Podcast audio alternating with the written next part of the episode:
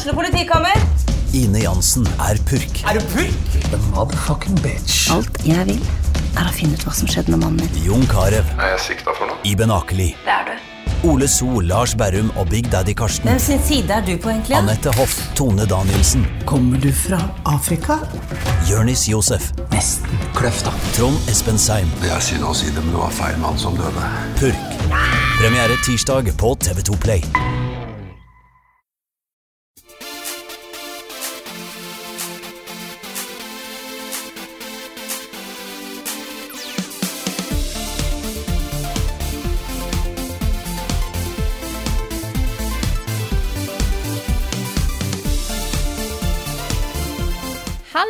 Og velkommen til en ny episode av podkasten Level Backup med meg, Frida Denmo, og med meg har jeg selvfølgelig Karl Martin Hogsnes og Rune Fjell Olsen. Hallo, folkens. Hallo.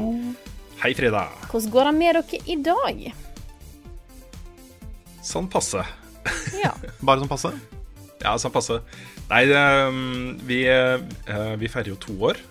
Eh, Jeg så i dag, så minte Facebook meg på at eh, Og det ble da i går, for dere som hører podkasten, at for nøyaktig to år siden, pluss én dag, da, eh, når dere hører det, så la vi ut den posten hvor vi sier at vi går inn i folkens, her er patrion-siden vår. Ja. Ja. Eh, og det har jo vært to fantastiske år. Og det er jo, dette er jo eh, en utrolig spennende og morsom jobb å ha. Uh, og det å få lov til å ha vært med på det på den måten her har vært det morsomste i mitt yrkesliv, liksom. Det er kjempegøy.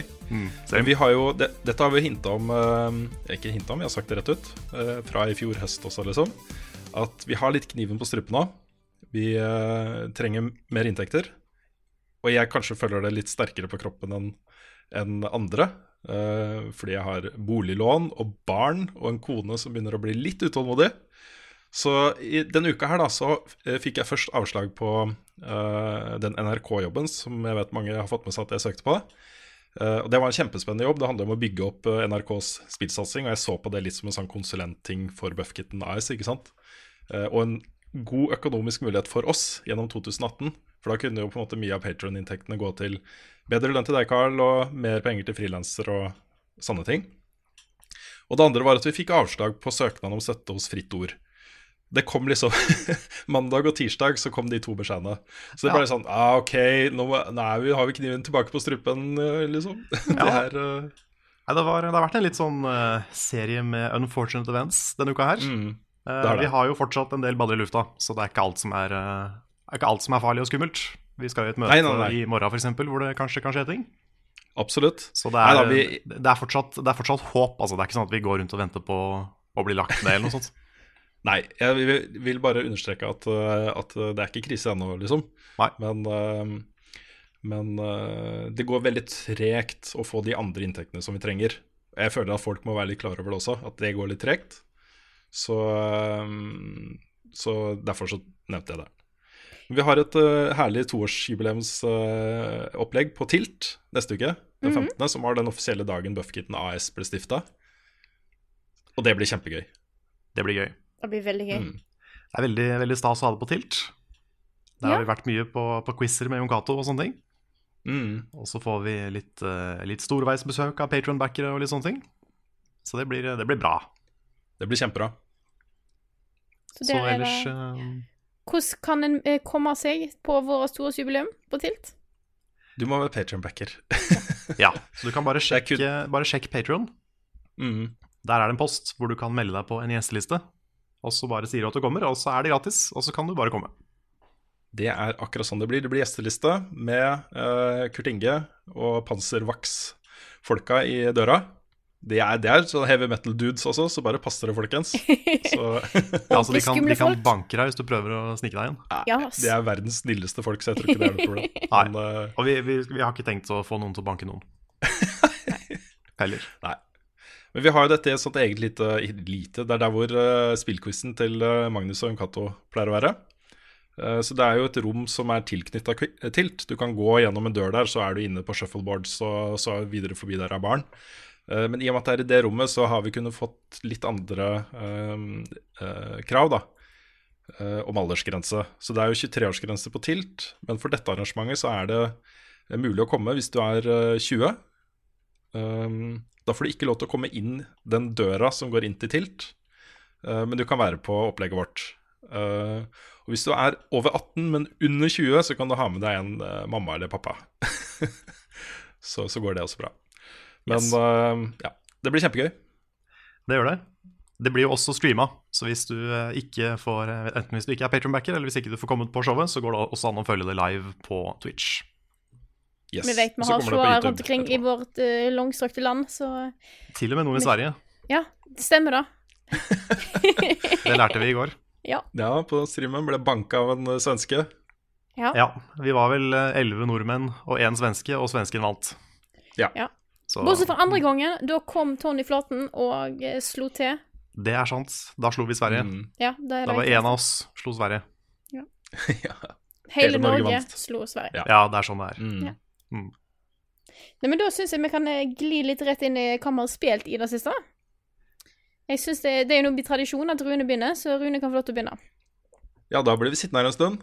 Ja. Um, Ja, nå er jeg faktisk nå er jeg veldig spent, Rune. Ja. Fordi du posta et bilde i natt ja, ikke sant. med Doki Ja. Doki-bakgrunn, og teksten ah, Ja, Ja, jeg satt og så lagde jeg en sånn bakgrunn med sånn rosa og så sånne litt mindre rosa prikker, og så skrev jeg liksom en tekst da, som bare var A, med den samme som folk som har spilt spillet, vil kjenne igjen den, den visuelle stilen her. ja. Nei, jeg, jeg kom meg gjennom det spillet i natt. helt gjennom. Um, helt gjennom. Ja. Jeg vet det er én slutt jeg ikke har fått. Jeg gjorde litt sånn research etter at jeg var ferdig. Men, um, men jeg føler meg helt ferdig med spillet. Jeg kommer ikke til å spille det mer. Uh, med mindre jeg har lyst til å liksom studere det en gang til da, seinere, for det kan hende. Ja, ja for du fikk, liksom, du fikk rulleteksten. Jeg fikk rulleteksten. Ja, ja da, er du, rulleteksten. da er du ferdig med det. Ja da, jeg, jeg, sjekka om jeg faktisk Fordi det er ikke så lett å vite når spillet slutter. Nei. Men, um, men uh, jeg bare fortsatte å spille det så lenge det var mulig, på en måte. Og uh, da gikk jeg på nett og sjekka liksom endings, og fant ut at jeg hadde fått en av de sluttene da, som er mulig å få i det spillet. Ja. Så jeg er gjennom, og øhm, det er jo liksom vi, vi kan, føler, Grunnen til at jeg spilte det, var rett og slett at jeg begynte, jeg begynte å se litt memes og sånne ting som eh, så ut som toucha innom hva det er med det spillet som gjør at folk er så gira på det. Så jeg tenkte jeg må bare få spilt dette her før jeg får noe viktig spoila. Så det var derfor jeg spilte det. Det tar jo bare en fire-fem timer totalt. Eh, kanskje litt mindre. Tre-fire, kanskje. Mm. Så, så det er liksom fullt mulig å gjøre det på en kveld. da Eh, Det ble jo to kvelder for min del. Men det, er, det var litt av en opplevelse også. Og det hadde sklidd rett inn på min topp fem-liste for eh, 2017. Jeg tror kanskje ikke det hadde klart å liksom danke ut Selda, men det er oppi der, da. Det er um, var he, Det var helt kriminelt bra. Jeg har så lyst til å snakke om det, så vi må ta den spoilerkasten. Jeg melder meg glatt på den. Og så jeg så liksom hele Level Up-redaksjonen, nå inkludert meg selv, er, har lyst til å være med på en spoilerkast om det spillet der. Ja, ja Så- vi, er, vi har registrert at folk eh, etterlyser det også. Eh, vi er i gang, vi er i gang med planlegging. Yes. Det er eh, Nicks initiativ å prøve å få i gang en, en spoilercast. Ja, jeg blir med. Det er ganske mange som skal bli med på den her nå, så det er bare til å glede Ja, seg. det er ikke så ofte Det er ikke så veldig ofte vi finner et spill som hele Level Up har spilt. Og som Nei, er er så Inkludert- gira på å snakke om. Mm, inkludert Bjørn. Ja, Bjørn Har også spilt det og vil være med og prate om det. Ja, ikke sant. Men det har jo vært litt sånn små, eh, småinteressant, da, fordi når man sitter og spiller det, så virker det jo som om man liksom er i starten på noe som etter hvert vil involvere tentakler og sånne ting. Og jeg har sittet Ja. og spilt dette her eh, på PC-en min hjemme, og har jeg vinduer ut mot en barnehage da, rett ved siden av. Så jeg har vært litt sånn OK, det det var der den barnehagen var, altså dratt ned blinds og føler meg litt sånn skitten når jeg sitter og spiller det. Uh, så det har vært en utfordring. Og så har det også vært litt vanskelig å forklare kona hvorfor jeg sitter og spiller dette spillet her. Eh, jeg tror Ja. hun skjønte det, men Jeg hadde eh, faktisk litt blanda følelser om å ha det på topplista mi. Bare sånn Ja. ok, For jeg kan ikke spoile det, Nei, ikke sant? men jeg må fortelle at dette er mer enn bare et sånt sim-datingspill. Så det er, litt, det er litt vanskelig. mm, Det er litt de tankene jeg har rundt et spill som jeg skal snakke om når det er min tur. Akkurat det Mm. bare sånn, Du føler litt sånn eh, At du egentlig har lyst til å skjule at du spiller. da. ja. Men for å runde av Doki Doki for denne gang, så kan jeg bare si det sånn at det er gratis. Det er lett å spille da, og det er en utrolig interessant opplevelse. Så, så hvis du fortsatt er on the fence på det spillet der, men du har en PC, uh, trenger ikke så mye datakraft heller, tror jeg. Det er, eh, det er bilder, liksom. Som du, ja. Mm. Så spill det, altså. Det er uh, virkelig verdt eh, tida di, og det er uh, et spill som du får lyst til å diskutere med andre. Så um, Absolutt. Og ta, ta den advarselen i starten også litt på alvor, for det er, eh, Ja. den, er, den er verdt å merke seg. Ja, og det også er jo en del av det spillet. At du får den advarselen, og du sitter og venter på det. Du vet det kommer til å skje noe her, du aner ikke hva det er, men du sitter og venter på det. Og, og når det da først begynner å skje ting, så er det liksom sånn Da har det bygd seg opp i kroppen din over lang tid, ikke sant? Ja. Det treffer ganske hardt, altså. Du er litt anspent. Ganske anspent. Og liksom hvert klikk, for du sitter jo og klikker fra dialog til dialog, ikke sant? Klikk, klikk, klikk, klikk. Og du har sittet sånn i kanskje to timer. Bare klikk, klikk, klikk, og så begynner det å skje ting. Det er en uh, ganske sterk ting. Så ja. Absolutt. Yes. Doki Doki. Yeah. Uh, jeg har, jeg har uh, Det her skal jeg bare nevne kjapt, fordi jeg har snakka mye om det. Men jeg har fått platinum i Shadow of the Colossus. Hei, Hei. gratulerer. Og da har jeg gjort ting i det spillet her som jeg aldri har gjort før. Selv om det har vært mulig. Det har vært mulig å klatre opp på toppen av det sentrale uh, tempelet, det det starter i, før. Jeg har bare aldri gjort det før. Det har jeg gjort nå. Eh, Jeg har tatt alle liksom, time attacks på hard og fått alle de kule itemene du kan få i det spillet osv. Eh, Men det er jo en siste hemmelighet da, som fortsatt ikke er, eh, er avduka. Og det finnes sånne eh, gold coins gjemt rundt i den verden her nå. Det er første gang i det spillet her akkurat dette fins, så det er ingen som vet hva det er. Det spekuleres i at det er 79 av dem. Jeg tror det meste som er funnet til nå, er 72 eller 73. Så ingen helt vet da hva som skjer. Så det, jeg kommer til å fortsatt ha det installert, for dette har jeg lyst til å få med meg, det også. Og så har jeg prøvd meg på og lagt bort, beklager alle sammen, eh, men dette her kommer jeg ikke til å orke å fullføre, Celeste. Celeste. Det er fordi um, Altså, det er et kjempebra spill. Kjempe, kjempe, kjempebra. Men det er 100% avhengig av sånn Twitch-ferdigheter. Uh, millimeter presisjon på hvor du hopper, og når du skal hoppe, og unngå feller og sånt. Det er, det er en sånn type spill som uh, Super Meatboy, Boy, eller for så vidt også Cuphead. Hvor det krever ganske mye hånd-øye-koordinasjon og veldig veldig kjappe reaksjoner. da. Og jeg sitter liksom, Hver eneste screen er en kamp for meg. Jeg må liksom kjempe skikkelig for å komme meg fra en enden av den screenen til den neste. Og det ble for tungt. Det er liksom, jeg, jeg, jeg får ikke den flyten jeg trenger for å uh, få en skikkelig feeling med hvor bra det spillet er. Så det uh, tror jeg ikke jeg orker å fullføre, rett og slett. Jeg, Jeg har veldig- lyst til å ta det. Ja, for du er nok bedre enn meg på de tingene der, tror jeg, Frida. Ja, jeg, har, eh, jeg har en annen anmeldelse som jeg skal forklare. Jeg håper å få den klar eh, veldig, veldig snart. Eh, og planen er da å få spilt av Celeste neste uke, så får vi se. Så kan jeg uh, ta over dette her, siden du ikke får det til, Rune. Litt sånn som Cuphead, vet du. Sant? Dette er Ja jo, da. eh, sånn Ja, er det kan lage en oppfølger til den videoen. Ja. Ja, ikke sant? sånn, Det hadde vært Nei, nå skjer det igjen, altså. Ja, Nå skal det sies at jeg har jo spilt meg gjennom sånne spill før, og hvis jeg først dedikerer nok tid til det, og blir på en måte en del av det spillet, så går det jo fint. Jeg får det jo til. Det er bare det tiltaket å komme dit som jeg Ja. ikke orker akkurat nå. Jeg skjønner det. Jeg skjønner det veldig godt. Det er nok også litt fordi jeg sitter med en del andre ting som har vært mer tiltrekkende for meg, og det har jeg nevnt to av de nå. Men jeg har begynt på et uh, uh, tredje spill, og det er øh, Subnautica, som uh, jeg vet mange spiller om dagen. Det har vært i Early Access ganske lenge. Øh, og er nå i full release. Og det er massevis av øh, våre seere og lyttere som har øh, mast på oss om vi ikke spiller det spillet. Og jeg skjønner nå hvorfor. Fordi jeg har fulgt litt med på det spillet tidligere, og det så ikke veldig bra ut i starten. Jeg fikk jeg, bare, ingen nei, jeg må bare kommentere for jeg syns det er hysterisk morsomt. For jeg tok opp dette spillet med Rune for noen uker siden, da det begynte å dukke litt opp. Eh, for jeg har fulgt litt med på det sjøl. Jeg har en eh, YouTube-person som jeg har sett litt på, som har spilt det. Uh, og spurte jeg, akkurat, tid, akkurat da så tenkte jeg kanskje jeg har tid til å ta en anmeldelse til. Det hadde jeg jo ikke, så jeg hadde ikke gjort det uansett. Men jeg spurte bare sånn Du, har vi planer om å anmelde, anmelde Subnautica? Og da jeg fikk beskjed om nei, herregud, det ser jo så dårlig ut. Skal vi gidde å bruke tid på det? Jeg vil anbefale folk også å kikke på de første trailerne som ble sluppet uh, av det spillet. Det, det, ser, det ser så hjemmesnekra ut. Eh, men for å, for å ta hva det spillet faktisk er, da, så eh, starter det jo med at du er i et romskip som krasjlander i et hav. Og du ser ikke noe annet enn hav når du lander. Eh, du blir skutt ut i en sånn life-pod, og der vokter du. Og du er, den ligger og flyter i vannet. Og så er det Minecraft, men under vann. Og med bedre grafikk. Og med bedre grafikk og mer sånn survival horror-feel.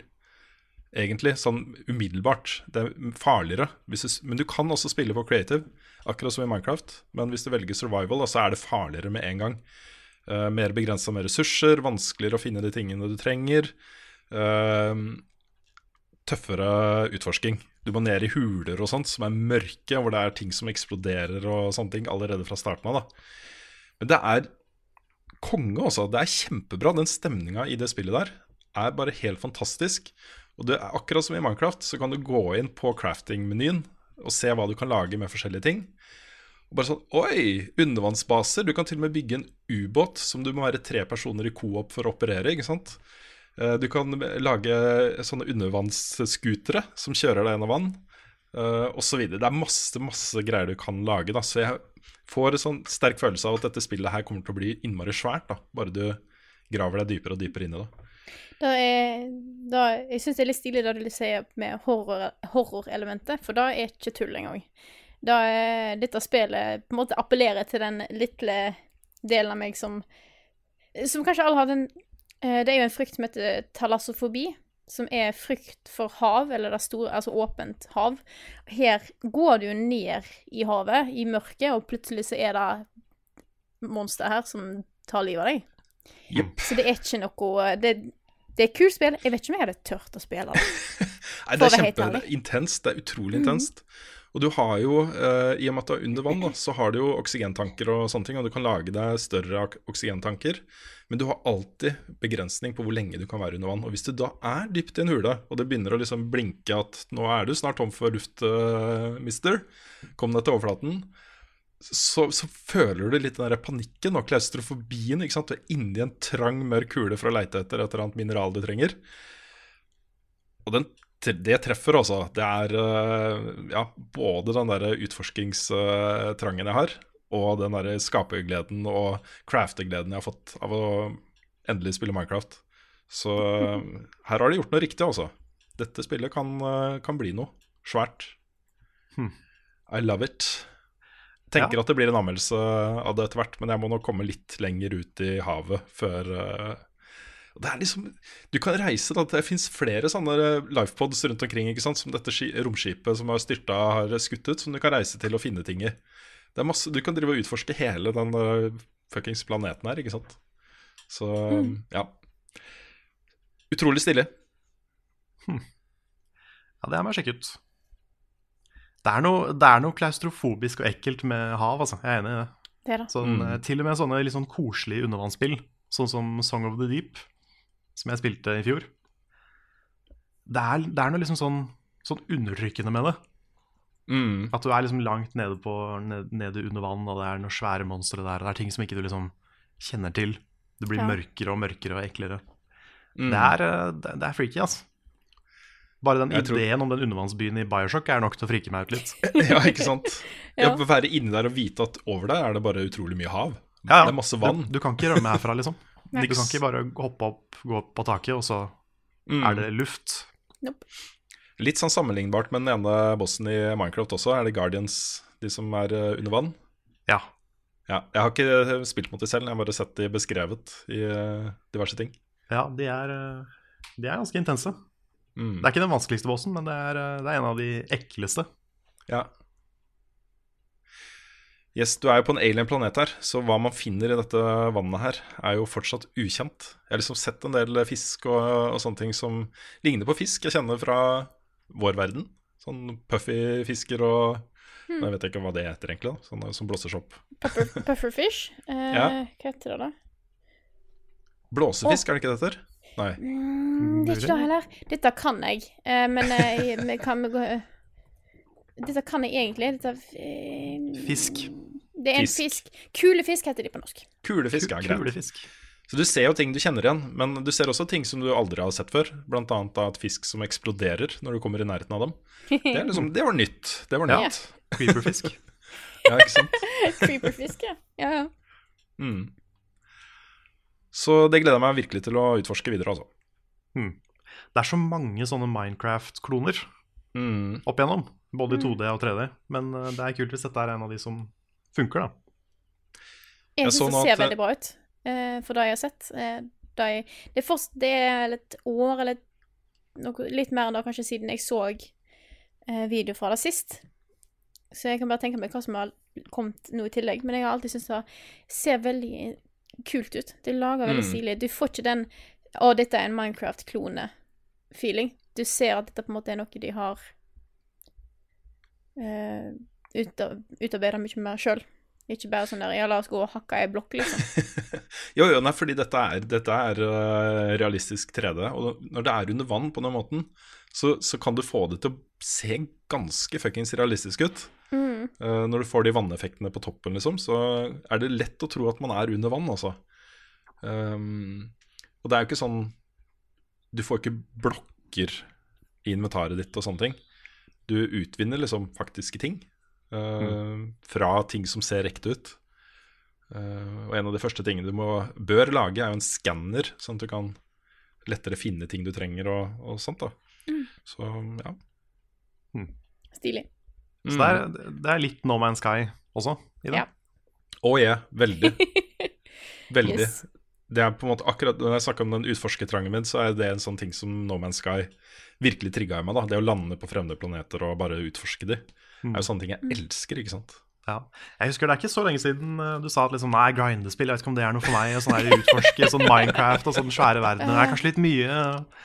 Ja, for det blir litt mye, og det er du, Akkurat når det gjelder sånne typer spill, og det gjelder Subnotica også, så må du eh, For min del, jeg må forstå det før jeg virkelig begynner å kose meg med det. Jeg må skjønne hva jeg kan få når jeg utvinner titanium, eller når jeg utvinner et eller annet. Så jeg må ha en plan, og jeg må vite liksom at jeg trenger så og så mye for å gjøre sånn og sånn, og faktisk forstå liksom prosessen da, for å få ordentlig glede ut av det. Fordi eh, sånn i starten, i første timene, så har jeg mye virra rundt og bare plukka opp ting og vet ikke helt hva jeg skal gjøre med det. og eh, og sånt, og Da er det ganske forvirrende. Men det, begynner, det er ting som begynner å klikke nå. Og da fester det seg litt mer sånn Også jeg har et mål, ikke sant. Jeg vil jo kanskje komme av den planeten eller eh, bygge noe svært eller et eller annet. Så når jeg først begynner å få det målet klart i hodet, så blir spillet mye morsommere for meg med en gang. Må få med deg på Monster Hunter, altså. Ja da, jeg sitter og lurer på det, men vet du hva som, Mm. eh, vet du hva som interesserer meg mest med Monster Monster Hunter akkurat nå? Det er pussekattene. Nei, det er character creatoren. Ja, men det er det mange som sier. Den er veldig bra. Mm. Det vil si, den er ikke så bra hvis du vil være holdt på å si, liksom tjukk eller noe annet enn en veldig pen figur. Da er den ikke så bra. Men den er veldig bra for å lage pene, kule figurer. Jeg syns det var vanskelig å lage ei dame. Jeg syns den var litt tricky. Jeg syns jeg hadde problemer med å på en måte få noe til å se, se litt sånn logisk ut. Jeg har fortsatt eh, ikke sett åssen figuren din ser ut, for du er alltid på den der svære beinmaska. Ja, det er sant. Jeg skal, neste gang så skal du få lov til å se eh, my character. Nice. Ja. Jeg fant etter eh, 50 timer in game fant jeg briller. Oi. Så nå har figuren min briller. Nice. Så, så det. Nå er det komplett.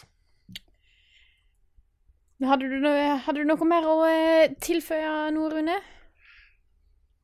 Nei. Noe Bortsett fra at jeg, jeg vil bare nevne at jeg syns det er så utrolig fett å se på Carl spille Metal Gear Solid 3 i Film i tull-spalten vår. Ja. Det er eh, det jeg har kost meg aller mest med. Alle de spillene jeg har valgt til deg, Carl, så er det dette jeg har kost meg mest med, altså. Det Kjempegøy. er, eh, det er noe eget med liksom å komme til et nytt område og finne nye måter å feile på. Ja. Fordi det er liksom alltid Jeg skjønner jo veldig fort etterpå hva jeg har gjort feil. Mm. Uh, men jeg blir jo liksom ikke så mye bedre fordi det er nye områder, nye ting som kan skje. Og da skjer jo gjerne den tingen man ikke vil at skal skje. Ja. Sånn som at jeg um, Den der kamuflasjeprosenten, den trodde jeg var liksom Den betydde alt. Men hvis Den du var har på deg for eksempel liksom. Ja, jeg trodde den var absolutt. Mm. Og når jeg da ser at jeg kan putte på meg en scientist coat og få veldig veldig dårlig kamuflasje, så gjør jeg ikke det. Men det var jo det jeg skulle. Ja. Så eh, sånne ting har, ta, har tatt meg litt tid. Ja. Så det, det kommer til liksom, jeg kommer til å få en veldig mye bedre andre playthrough, Mm. tror jeg. Jeg har også funnet ut at de thermal goggles-tinga som du prater om, de har jeg gått glipp av, og de kan jeg ikke få nå. Nei, ok, greit. Det var Så synd. de, de, er, de er lost forever. Ok, ja, det var, det var dumt, Carl. Det er litt dumt. Ja. Har du Så- Night Vision goggles, da, i hvert fall? Ja, jeg har de der eh, Altså, det er så mye goggles, men jeg har, jeg har det som heter scope. Det tror jeg du Mm, ja. starter med. Og det er jo Ja. noe sånn som du kan se ting. Ja, men du, I det hulesystemet så kunne du plukke opp eh, Der står det NV goggles. Sjekk om du har det. Det er Night okay, Vision det skal, goggles. det skal jeg sjekke. Da var vi er over i filmetullet. Ja, ja, nei, den, Ja. den hula her har jeg vært i lenge, altså. Jeg luka Ja. rundt der veldig lenge, så jeg håper at jeg har de. mm. Men jeg har, jeg har shotgun, og jeg har AK. Og de har hjulpet meg en del i bosser. Mm. Har du sniper? Ja, jeg fant sniperen, Ja, det er bra. så den, den har jeg. Du kommer deg gjennom, Karl. Det, selv Ja. uten uh, goggles, så Det har kommer du deg gjennom. sånn til tross for at jeg har uh, fucka opp konstant hvert eneste område, så, så går det bra. Mm. Jeg har ikke Ja, det dødd ser noe særlig. Det er kjempefint. Jeg har, liksom, jeg har overlevd fint, selv om jeg Mm. ikke er så elegant. Sånn er det, jeg sa det også, sånn er det første gang man spiller det spillet. Og første gang man spiller et Metal Gear Solid-spill i det hele tatt. Ja. Det blir, det blir mye, mye ufint, altså. Mm. Men det er jo litt sånn Er det et spill man ikke har lyst til å legge ut på YouTube at man spiller for første gang, så er det vel kanskje dette her. Ja, jeg vil tro det. Spar det til andre gang. Ikke ta en blind playthrough av et eh, Metal Gear-spill, tror jeg. Nei, jeg tror det er bedre å spille når du vet hva du skal gjøre. Ja. Så det er litt, litt flaut å se over klippa hver gang. Eh, det er det. Men, eh, Mm. men, men. Jeg får veldig veldig lyst til å velge Metal Gear Solid 4 til deg etter hvert nå, Carl. Mm. Så du får uh, vurdere om du har lyst til å catche opp én og to eh, etter Ja, jeg tenkte i hvert fall at jeg skulle se, se over cutscenes og sånn på nytt. Ja. Så for å være, være up to date. Mm. Nei, for jeg tror Metal Gear Solid 4 hadde vært kjempegøy å snakke om. Ja. Nei, skal jeg, skal jeg ta over litt? Keep going. Yes. Yes. Det, er, eh, det er vel først og fremst ett spill utenom Metal Gear som jeg har spilt, og det er Monster Hunter. Ja. Jeg er så dypt inne i det som heter high rank nå, som er eh, den delen av spillet etter at den første storyen er ferdig. Og grindinga er litt tøffere enn i første delen av spillet. Og jeg bruker mange timer på å liksom komme meg oppover, forbedre gear, sånne ting. Men det er så utrolig stas å spille. Det er, eh, Jeg vet ikke helt hva det er, men jeg er så, jeg så hekta nå. Og det er sjelden jeg blir så hekta på et spill Mm. som jeg er nå. Mm. Nå er det sånn der at jeg har, jeg har lyst til å bare ikke ha planer, bare så jeg kan sitte og spille Monster Hunter og bli liksom jeg har fortsatt ikke tatt de største bossene. Jeg vet at det er i hvert fall en tre-fire igjen som ikke jeg har eh, møtt ennå. Mm. Så jeg gleder meg til de. Og prøver liksom bare å bli bedre og bedre og bedre. Eh, sanke inn mer og mer greier. Og det er så mange sånne kule opplevelser. Sånn som jeg spilte med et par eh, japanske folk. Og det gjør at alle meldingene du får opp, som kommer automatisk, eh, sånn type 'I've mounted the monster' og sånne ting, når, de gjør ting, eh, de kommer opp på japansk. Så jeg aner jo ikke hva de driver med. Men jeg bare ser hva som skjer. Og sånn, 'Å ja, det betyr at han har mounta Ok.' Mm. Og vi holdt på i Jeg tror kampen varte en halvtime. Og bare fly rundt. Jeg bruker dual blade, så jeg er sånn som hopper rundt og slår i alle retninger. Og det var en fight jeg ikke hadde klart eh, i solo ennå. Så jeg bare tenkte ok, vet du vi prøver i multiplayer. Uh, holdt på så utrolig lenge, brukte opp alt jeg hadde av healing items. Um, Klatra opp en sånn krystallting og bare slo litt sånn tilfeldig. Og så raste taket. Fordi jeg slo på taket og landa i huet på bossen. Og da fikk jeg en sånn derre Shit, det gjorde jeg. ja. Og det var så kult. Og det var sånn Jeg så de to andre stoppa opp litt. Og bare sånn Fett. så det var Det var dritkult. Wow. Eh, og vi var, vi var da tre stykker da, som aldri hadde klart den bossen før.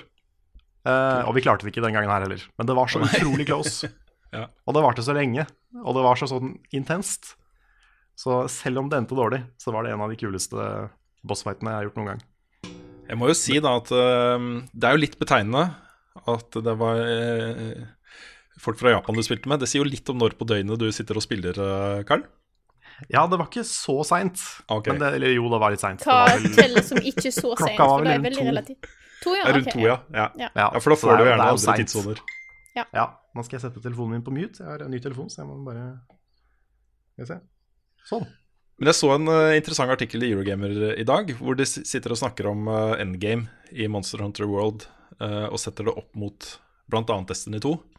Mm. Eh, og det virker jo som om de virkelig har fått til endgame her. Og en av de tingene som eh, han journalisten påpeker, er jo at i et spill som Destiny 2, så er det jo Hvis det er mulig å cheese noe, så gjør man det. Bare kjør Mm. på, liksom. Det er dritfett. Da kommer vi kjappere til ut. Men at det skjer ikke her, da. Man, har, man viser liksom bossene den respekten og prøver å ta det ordentlig. Man leiter ikke etter exploits og cheese-ting, liksom. Nei da. Nei, jeg vet ikke om det er noen der det er mulig å cheese. Nei. Det er liksom bare Bossene tåler så mye, Ja. og det er så mange faser, og det er så mange ting som kan skje. da Så du kan jo på en måte tease ved å ta med masse sånne der explosive barrels og bare stokke opp på items, men det også er egentlig bare Bare å være forberedt. Ja. Det er ikke cheesing på den måten. Nei. Så Nei, det er egentlig bare et dritbra spill, altså. Mm. Det er, jeg blir gira. Jeg blir gira, altså. Jeg gjør det. Mm. Og jeg har så lyst til å bare lage et level up-lag med fire stykker. Og bare hoppe inn i high rank og være liksom være best. Vi må jo gjøre noe. Ja, jeg syns Ok, da. Jeg får sette Det- meg ned med det. det. Det krever, det krever en del tid å komme dit. Hvor lang tid tar det å komme til high rank? Eh, Hvis du fokuserer på storyen og eh, bare finner liksom et armor set og tenker at det vil jeg ha, og så tar du den bossen sånn tre-fire ganger, eh, så du har et bra, eh, bra gear, så tenker jeg kanskje 20-25 timer før du kommer til high rank. Mm. Så er det jo en del grinding i high rank også, da. Så det er jo ting som, ting som tar tid. Men eh, der kan vi også hjelpe hverandre litt. Mm. Så det Innenfor, da. Det er, det er stas, altså. Det er Mm. eh, skikkelig bra spill å starte året med. Det tror jeg på. Så jeg, jeg koser meg. Gløgg i hjel. Yes. Så det. det. Da er jeg ferdig. Det var min tur. Jeg har bare, altså Nå har jeg spilt Golf with, Golf with Your Friends i går, og eh, litt Monster Hunter og litt sånne ting. Men jeg er tilbake igjen på kjøret. Jeg er, jeg er back in it. så Dette er spillet jeg Åh. snakka om, hinta litt i stad. Et spill det jeg syns er Det er kommet ny DLC til Mystic Messenger, og det er det, Så jeg er jo støkk tilbake i dette her, vet du. Og det er jo uh, Det er jo det som er litt eh, Det er jo det med disse Pretty Anime Boys, uh, som, som litt sånn som Doki Doki. Det er ikke det jeg på en måte Jeg holder litt sånn på sida. Eh, du kan ikke spille konstant heller, for du må vente til det har kommet nye chatter og sånne ting, da. Mm. Men ja. Ja, det, det, er jo et, det er jo et faktisk datingspill. Ja. Og det er jo litt morsomt. Eh, så nå er det en DLC med en, eh, med en karakter som har vært med før, men som ikke har hatt sin egen story, da. Så det er mest for å finne litt mer ut om den karakteren. Det er ikke fordi jeg er sånn Yes, nå kan jeg date han! For jeg syns han egentlig er en skikkelig drittfyr. Men uh, nå kan jeg i hvert fall få vite den delen av historien, da. Du blir jo litt sånn Du blir jo litt investert. Du blir jo da. Nå har jeg vært gjennom alt her og, og greier, så det er sånn Jeg må jo selvfølgelig vite hva, hva som skjer her, hva ulike slutter du kan få her. Sånne ting. Og så er det, det er greit tidsfordriv, for det tar jo bare noen minutter her og der. Men jeg er tilbake igjen på Mystic Messenger-kjøret, ja. Nice. Må jo, må jo si da at eh, selv om vi, vi tuller litt med å spille Doki Doki og Mystic Messenger og sånn, så er det, det Det burde jo ikke være noe som heter Guilty Pleasure-spill. Det, det, er jo lov å spille spill. Ja, ja, absolutt. Så det er ikke noe, ikke noe shaming på noen her. Nei, nei, nei. Eh, det er bare at eh, generelt sånn visual novel-spill har ikke vært min ting. Eh, det er derfor jeg er så fascinert over at dette her har hekta meg så mye, da. Eh, og det er jo altså Spillet er jo Det, har- det har sin sjarm, fordi at jeg syns karakterene er litt fascinerende og eh, sånne ting. Selv om noen av karakterene er jo helt dust. Han ene låser deg jo inn i leiligheten sin fordi at katten hans har forsvunnet. Ja, sånn, har hørt, logikken her er jo bare non-existent. Mm, jeg kjenner en del folk som spiller dette her, så jeg har hørt en del historier Ja. om spesielt han. Ja. At han er litt sånn, jeg vet ikke om det er noe forsøk på litt sånn Fifty Shades der. Er det er det. Den ene Ja. slutten er det. Hmm. Ja. Ja. Og så er det òg en slutt der det er en som på en måte han er redd for at han blir for possessiv. Eh, og så kan du selvfølgelig da enten si at nei, du må selvfølgelig Jeg slutter å være possessiv, eller ja, vær possessiv. Eh, og den har òg en litt sånn rar slutt. Ja. Så det er det, det har sine ting. Det er litt interessant å se på en måte hvor du pusher karakterene dine. Det er litt sånn som i sånn i Doki Doki, du er litt spent på å se hvor dette her går hen. Ja, for det er jo ikke, det er ikke liksom alle forholda som virker like sunne bestandig. Nei. Nei, nei, nei. Du har jo det, det som heter på en måte good ending. Eh, som er på en måte Der ting ender litt mer sunt, da. Der du på en måte, hvis noen har en rar ting, så klarer du på en måte gjøre det mer normalt, og så får du et mer Eller et bedre forhold, da. Og så har du de som heter bad endings, der alt kan gå fra at de vil ikke være venner med deg, til eh, at du har pusha så mye på de mørke sidene av den karakteren at de blir helt sprø. Eh, så det er interessant. Jeg er veldig spent på å se hvor dette går hen, for han karakteren her, han er helt sprø fra før av. Hmm. Det starter med at han er gal. Så eh, jeg er spent på å se om han blir mer gal. Eller mindre gal. Maybe. Vi skal snakke om ukens anbefaling, som i dag er Rune sitt ansvar å komme med. Yes, og det var litt morsomt at vi avslutta forrige eh, segment med eh, dating-sims og sånne ting. Fordi jeg har begynt å se på en ny serie på NRK som heter En natt. Som handler om en blind date. Og det er jo en slags blanding da, av en tradisjonell TV-serie og sakte-TV. Du følger på en måte den blind daten her i sanntid i store deler av eh, serien. Eh, det er da to mennesker som møter hverandre, eh, og som ikke kjenner hverandre fra før. Og så får vi se hvordan det går med dem. Og dette er jo det nye konseptet til de som står bak Dag. Det er eh, Øystein Carlsen, Kristoffer Schou og Anders Tangen som, som nå har lagd denne serien her. Og den er For det første så er det helt fantastisk bra spilt. Eh, det er Anders Bosmo Christiansen som spiller Jonas. Og så er det en svensk eh, dame som heter Mianna Buring, som spiller da den skeptiske Elisabeth. Um, og det her foregår i Oslo. De er rundt omkring i Oslo og blir på en måte kjent. Uh, og utrolig fascinerende, i likhet med disse dating sim-spillene uh, og andre typer sånn kjærlighetshistorier og sånt, så er det jo helt uskrevne ark i starten. Og kanskje litt beskyttende overfor uh, hvem de egentlig er. da Eh, Så det å på en måte bli kjent med de to gjennom det formatet er sånn utrolig spennende. Og så Det oppstår en sånn spenning om hva som kommer til å skje, uh, og hvem de egentlig er, og hvordan de forholder seg til hverandre, som jeg syns er utrolig fascinerende og ulidelig spennende å se på. Så det blir nesten en sånn thriller, selv om de er på date, eh, og se hvordan dette går. Utrolig bra laga, altså. Dritbra dialog, Uh, og også litt sånn det de gutta her er så flinke til, da, de som har lagd serien, det er jo på en måte å ta litt pulsen på tidsånden, sånn som de også gjorde i dag. Eh, ja, greit, det handler om en psykolog og sånt, men det de egentlig snakker om, er jo på en måte eh, ting fra hverdagen vår som de syns er interessant å diskutere. Og kanskje ta problemstillinger, uh, f.eks. om sosiale medier eh, og vår representasjon da, i sosiale medier, som det gjøres litt av i, i denne serien. Så mm, ja. Tror jeg trygt kan anbefale den til alle som har lyst til å se noe bra norsk også. Vi er liksom, det er ikke så ofte vi kan anbefale gode norske serier, uh, med unntak av 71 grader noscope. Selvfølgelig. selvfølgelig. Mm. Det her er kvalitet. eh, Bunnsolid kvalitet. Ja, for Dag er kanskje noe av det beste jeg har sett på norsk TV. Uten tvil. Så det skal jeg sjekke ut. Mm. Det er også litt interessant, jeg ser i, i nyhetsartikler om, eh, om den serien her, så har de allerede spilt den inn på engelsk. Oi! Med Basmo Christiansen da, i, i enehovedrollen. Eh, Men de har vel skifta ut eh, hun svenske med en islandsk skuespiller. Så alt er liksom spilt inn og klart, da. Kult. Mm. Det kan fort bli en greie, dette her, altså. Men det jeg sa om sakte-TV, er litt sånn interessant, fordi øh, Jeg vil nesten anbefale, hvis man har muligheten til det, å, å se alt i ett.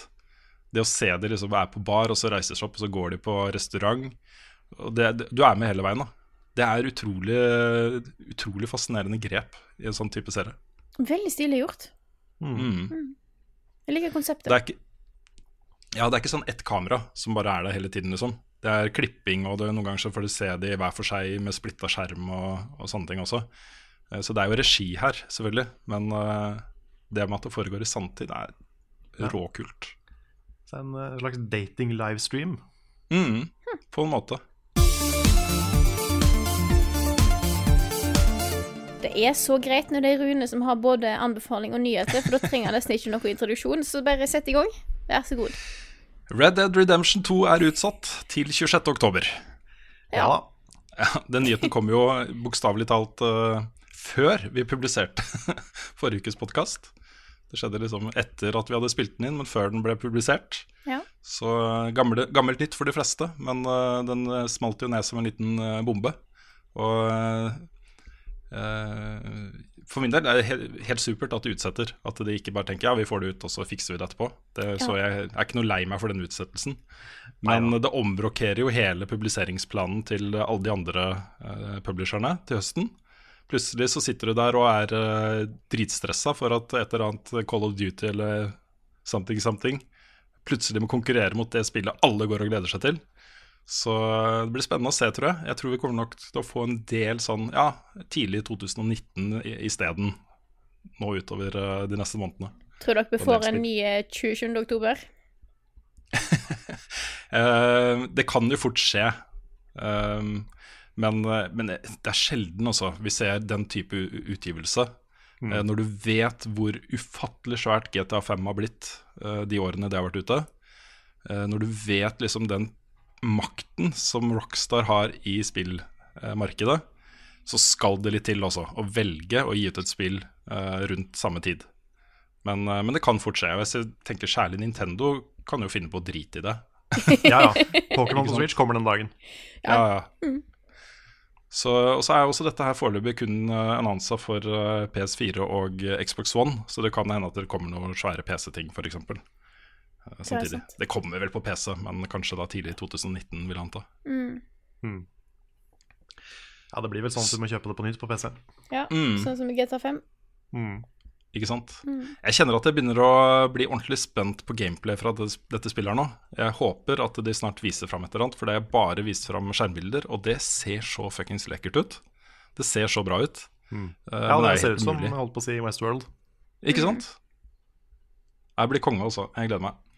Um, og så er også The Surge 2 uh, avduket. Det Ja. kommer et The Surge 2. Uh, og det de sier, er at de har ehm, eh, hørt på tilbakemeldinger og skal forbedre combat-systemet, og at det blir en helt ny setting. Det jeg tenkte å gjøre, var å høre med vår resident The Surge-ekspert om Ja. hva du kunne tenke deg å se i en oppfølger, Carl. Nei, uh, The Surge 1 uh, var jo kanskje det beste fem av ti-spillet jeg har spilt. Beste fem av ti Fordi- spill. Det beste fem av ti-spillet. Okay. Fordi det var Det er et spill jeg likte. Jeg har spilt gjennom det to ganger. Uh, koste meg for så vidt med det, men det var så veldig mange steder der jeg ikke koste meg. Mm.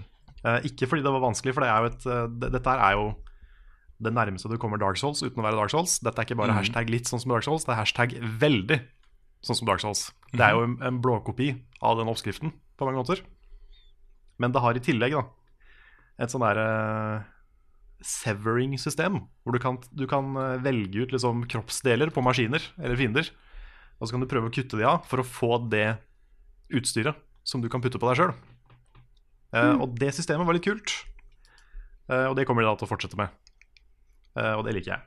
Mm. Det som var dårlig, og da mener jeg skikkelig dårlig med det spillet, det var level-designet. Som er den ene tingen som Dark Souls gjør veldig bra, eh, som de ikke fikk til her. For det var så mange korridorer og ganger og små steder som var helt like. Eh, ikke noe spennende. Settingen var ganske kjedelig. Eh, det var liksom bare industri gjennom hele spillet. Og gjerne veldig kjedelig industri som så veldig, veldig likt ut. Så hvis de får til en kulere verden, som er litt mer eh, variert, litt mer spennende, litt bedre bosser, fordi bossene var ganske um, Føltes ganske sånn billig, så, så kan det her bli bra.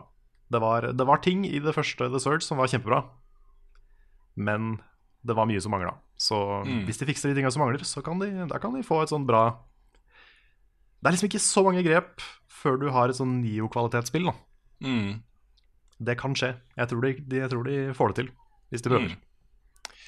Her er det da forventa lansering i 2019 en gang, så det er et stykke unna. Men det har jo tydeligvis nok fans, eh, nok folk som er entusiastiske eh, rundt dette spillet her, til at de velger å lage en oppfølger. Så det har tydeligvis gått greit med Ja. det første spillet. Ja, men det er kult. Det er, Jeg er veldig klar for at de skal prøve igjen på, på det der. Kult. Eh, Et spill som vi eh, burde ha dekt mye bedre, eh, det er Rainbow Six Siege. Og Det er litt sånn sprøtt å se disse spillene her nå. Det, Ubisoft er jo særlig gode på det. Eh, Du har Rainbow Six, du har eh, Division, eh, du har nye Ghost Recon-spillet, som har blitt liksom gradvis og gradvis bedre. Og ingen av de tre spillene ble ansett som noen mesterverk da de kom ut. Men det er liksom ting som tyder på at de kan ha blitt over tid. da. Og de satser tungt på jevnlige oppdateringer og forbedringer av disse spillene. Eh, og nå har tydeligvis Rainbow Six Siege kommet til et sånt stadie hvor de tenker at vet du hva, nå må vi bare få flere folk inn her, for nå er det så bra som det kommer til å bli. Uh, fra 15. februar så uh, har de en gratis weekend. Den weekenden er ganske lang. Den strekker seg fra, på PC fra 15. til 18. Det er jo da torsdag til søndag, tror jeg. Ja, torsdag til søndag. Eh, på Xbox One så er den fra torsdag til mandag, altså 19., og på PS4 så er den fra torsdag til tirsdag, så det er en ganske lang, lang helg, da. Eh, men alt innholdet blir gratis. Du kan prøve absolutt alt som er ute til spillet.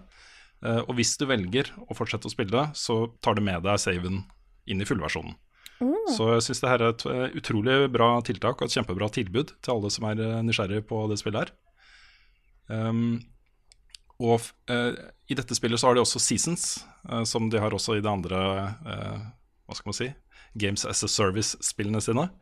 Og den 6. mars så starter en ny season, og da er det jo snakk om outbreak av et virus som skaper sånn zombie, zombievesener og sånne ting.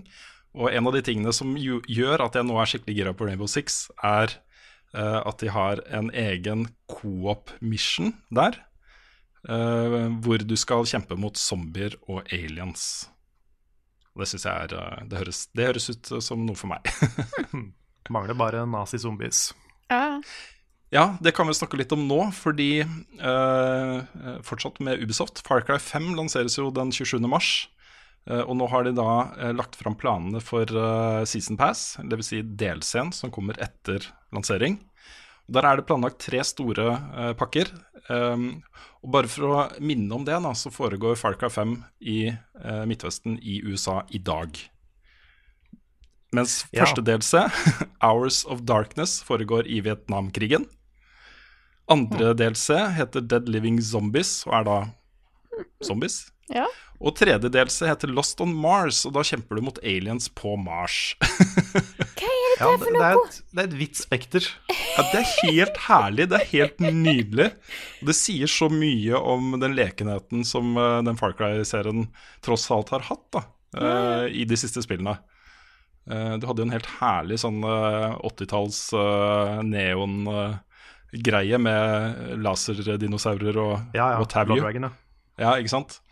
Eh, jeg jeg syns dette her vitner om eh, overskudd. Jeg Ja. liker det jeg ser, da. Selv om jeg ikke aner noe om noen av disse delscenene, så høres det veldig gøy ut.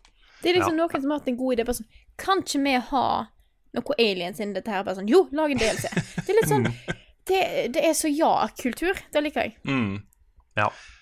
Og så må jeg Ja, innrømme at det, Når, du, når du først skal ha DLC og Season Pass og sånne ting, så er det kult å gjøre noe så annerledes. mm, Ja. Det, det liker jeg veldig godt. At ikke det bare er mer At ikke de bare har kutta vekk en chunk av spillet, og så bare det selger vi som DLC. Ja, sant. At de gjør det sånn, er kjempelurt. Dette er jo sånn DLC burde være. Ja, det er et godt poeng, altså, fordi jeg kjenner at uh, uh, også den historien som de skal da fortelle i Far Cry 5 uh, Jeg ser liksom for meg at den kan være, om ikke tung, så i hvert fall er det temaer der innom der som, som kan være litt tunge. Og jeg tenker at det er et godt signal, da, at ikke de bare har tenkt å forlenge den historien. Ja. Med liksom nye sidehistorier, og at du fortsatt liksom befinner deg i dette rasisthelvetet her. eh, i sesong etter sesong, da. Men at du eh, Ok, nå er vi ferdig med den historien, nå skal vi ha det gøy, folkens. Jeg syns det er en, eh, en god plan, altså. Kan du legge til at de også legger til hele Far Cry 3 eh, med delelse gratis hvis du kjøper Season Pass. Det er ikke ofte jeg snakker om Season Pass som en bra ting og noe du kan vurdere å kjøpe. Men eh, jeg kan i hvert fall si såpass at eh, hvis du kjøper Far Cry 5 og liker det, syns det er bra, så høres dette ut som en god deal for meg. Hmm. Uh, nevner også kjapt at det går nå saftige rykter om et nytt Sonic Allstars racing-spill fra Sumo Digital.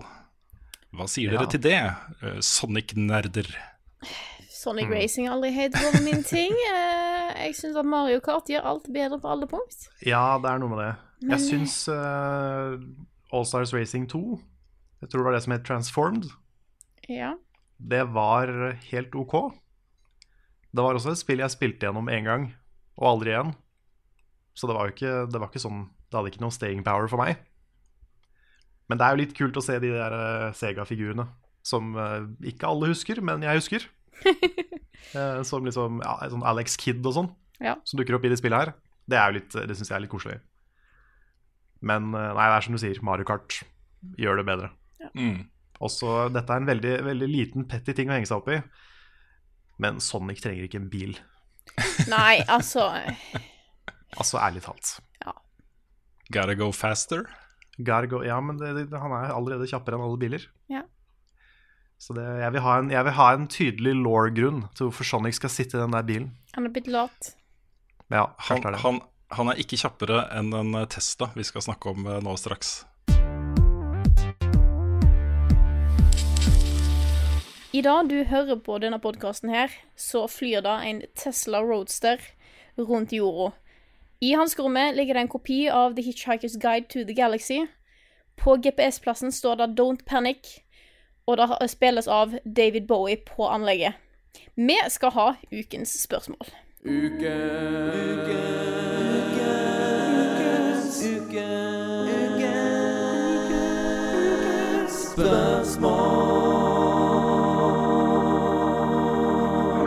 Ukens spørsmål er fra Rasmus Bjø Bjørnereim, som skriver Ikke helt spillrelatert, men hva syns dere om Elon Musk si rakettoppskyting?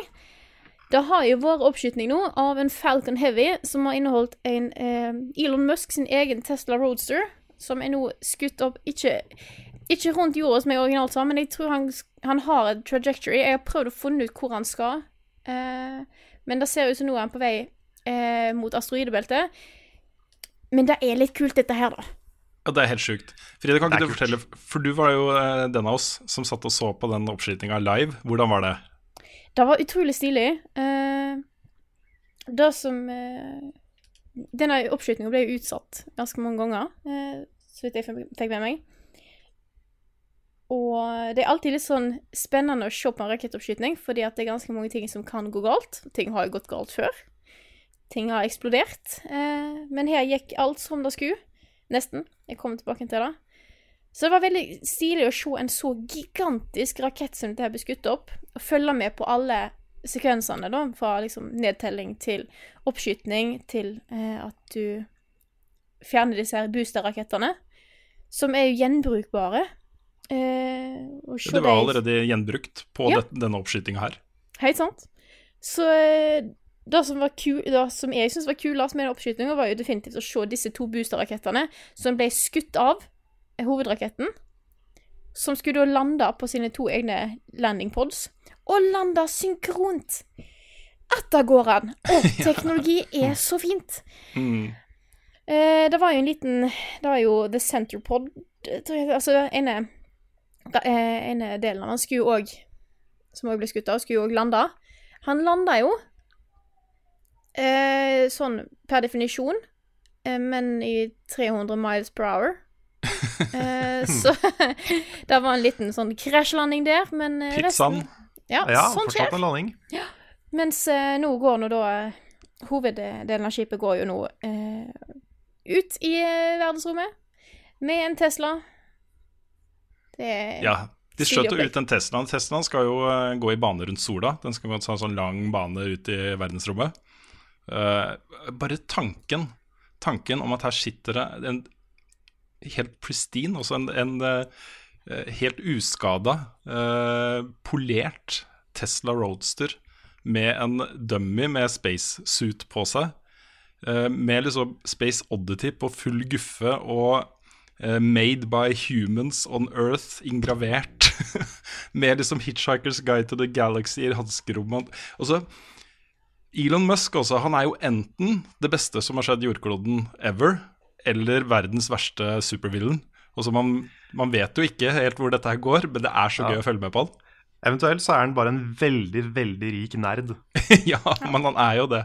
Han er jo det. Jeg sa hovedskipet, jeg mente selvfølgelig Teslaen. Teslaen er nå eh, Han skal gå eh, rundt eh, Rundt solo, som du sier. eh, Nå på vei rett inn i asteroidebeltet, så det kan bli spennende. Men eh, Mm. Ja, sannsynligvis for han ikke romskipet skal vel i bane rundt Mars. Og så, ja. Etter det Ja, for jeg kan huske. dette er jo en, en sånn langtidsplan om å kolonisere Mars, er det ikke det som er målet? Ja, han kjører på. Det er det som er så gøy, for han kjører på. Han har jo det SpaceX-selskapet sitt. Og de, det er ikke lenge til de begynner å tilby liksom, eh, eh, leiligheter på Mars, altså. Eh, hvor du faktisk skal kunne kjøpe deg inn på en sånn flight. I vår levetid, lenge før vi dauer, kanskje Ja. bare om 10 år eller 15 år eller noe sånt, så kommer Ja. de første menneskene uh, fly dit og bosette seg der. Men vi snakka om eh, den der liksom klaustrofobiske følelsen av å være under vann. det må jo være ganger 100 av å være på Mars, Ja, tenker det er jeg. helt Ja. sjukt. Da er det liksom, du kan jo ikke puste der, du må på en måte Du må være leve inni sånne pods. Mm. Eller sånne ja, biome, heter, hva heter det? Ja, Altså, Sånne, sånne ting. Det er Mm. liksom, Hvis noe går galt, bare sånn Ja, du kan jo altså Hvis noe går galt, så er det sånn Ja, det er vel tre år å ta og reise til Mars, så hvis du trenger Ja, hjelp, så snakker vi sånn tre år pluss pluss. Det hadde jeg aldri turt. Nei. Tenk, liksom, tenk hvis du går tom for mat. Mm. Tenk hvis du bare Hvis et eller annet skjer du ikke har tenkt på, og så er det tre år før noen kan hjelpe deg. Hvis jeg får en eller annen sånn sykdom som jeg ikke kommer unna, og som tar litt tid da, før den kicker ordentlig inn, så Mm. kunne jeg tenkt meg å gjort det. det er Ja. liksom ja, ultimat. Jeg tror jeg skulle, jeg skulle mista alt jeg var glad i, Mm. før jeg sa ja til noe sånt. Ja, det er for så vidt et poeng, det, da. Men, uh, men det er liksom den derre final frontier-feelingen. Det å på en måte At noen gjør dette her. Og det er jo en scene som er uh, helt uh, fantastisk. Um, hvor øh, det var jo en sånn hearing i Kongressen i USA hvor alle de store romheltene, altså Armstrong og folk fra NASA, uh, uttalte seg om SpaceX. Uh, og um, hvor, eh, hvor eh, fritt spillerom de burde ha da, i eh, romfart. Og alle var negative. Og det er en sånn scene hvor Elon Musk blir spurt da, om hva han syns om at Neil Armstrong og de gamle heltene hans uh, var så negative til SpaceX. Og han får tårer i øynene. Du ser liksom den skuffelsen over at hans store helter ikke forstår det han holder på med, og ikke støtter han i det han holder på med, er liksom helt så monumental, da. Um, og den vindication han føler nå, hvor liksom NASA og USA Altså, den faktiske revolusjonen her er jo at istedenfor at den oppskytinga kosta 500 millioner dollar, så kosta den 50 millioner dollar. Nå kan man faktisk begynne å planlegge for ordentlig romutforsking. da. Ordentlig liksom ta det skrittet ut i verdensrommet som alle har venta på siden eh, Armstrong gikk på månen, liksom. Så um, det er eh, konge. Det er helt konge. Jeg blir ordentlig sånn glad inni hele meg av dette her, altså. Det interessante er jo eh, på en måte den forskningsbiten rundt dette her. Fordi at du hadde jo Space Race eh, altså på eh, midten av 1900-tallet, der du hadde USA og Russland som kjempa om å komme først til månen. Som sparka en hel haug av forskningsprosjekt eh, for å få disse rakettene til å funke. Og det er så mye av denne teknologien som vi bruker i dag, som ikke hadde kommet til hvis ikke hadde vært for den konkurransen der. Og så har på en måte Space litt Det har dabba litt av, og jeg har jo sett at USA blant annet har gitt mindre og mindre penger til NASA. Eh, som jeg syns er jo helt krise. Eh, da, som, da at Elon Musk nå tar litt tak og setter i gang dette her sjøl og sier at vet du hva, dette her må vi faktisk gjøre noe med, nå skal vi få til dette her, og faktisk klare å kanskje sparke i gang en sånn space race igjen, da Mm. er fantastisk for den verden vi lever i.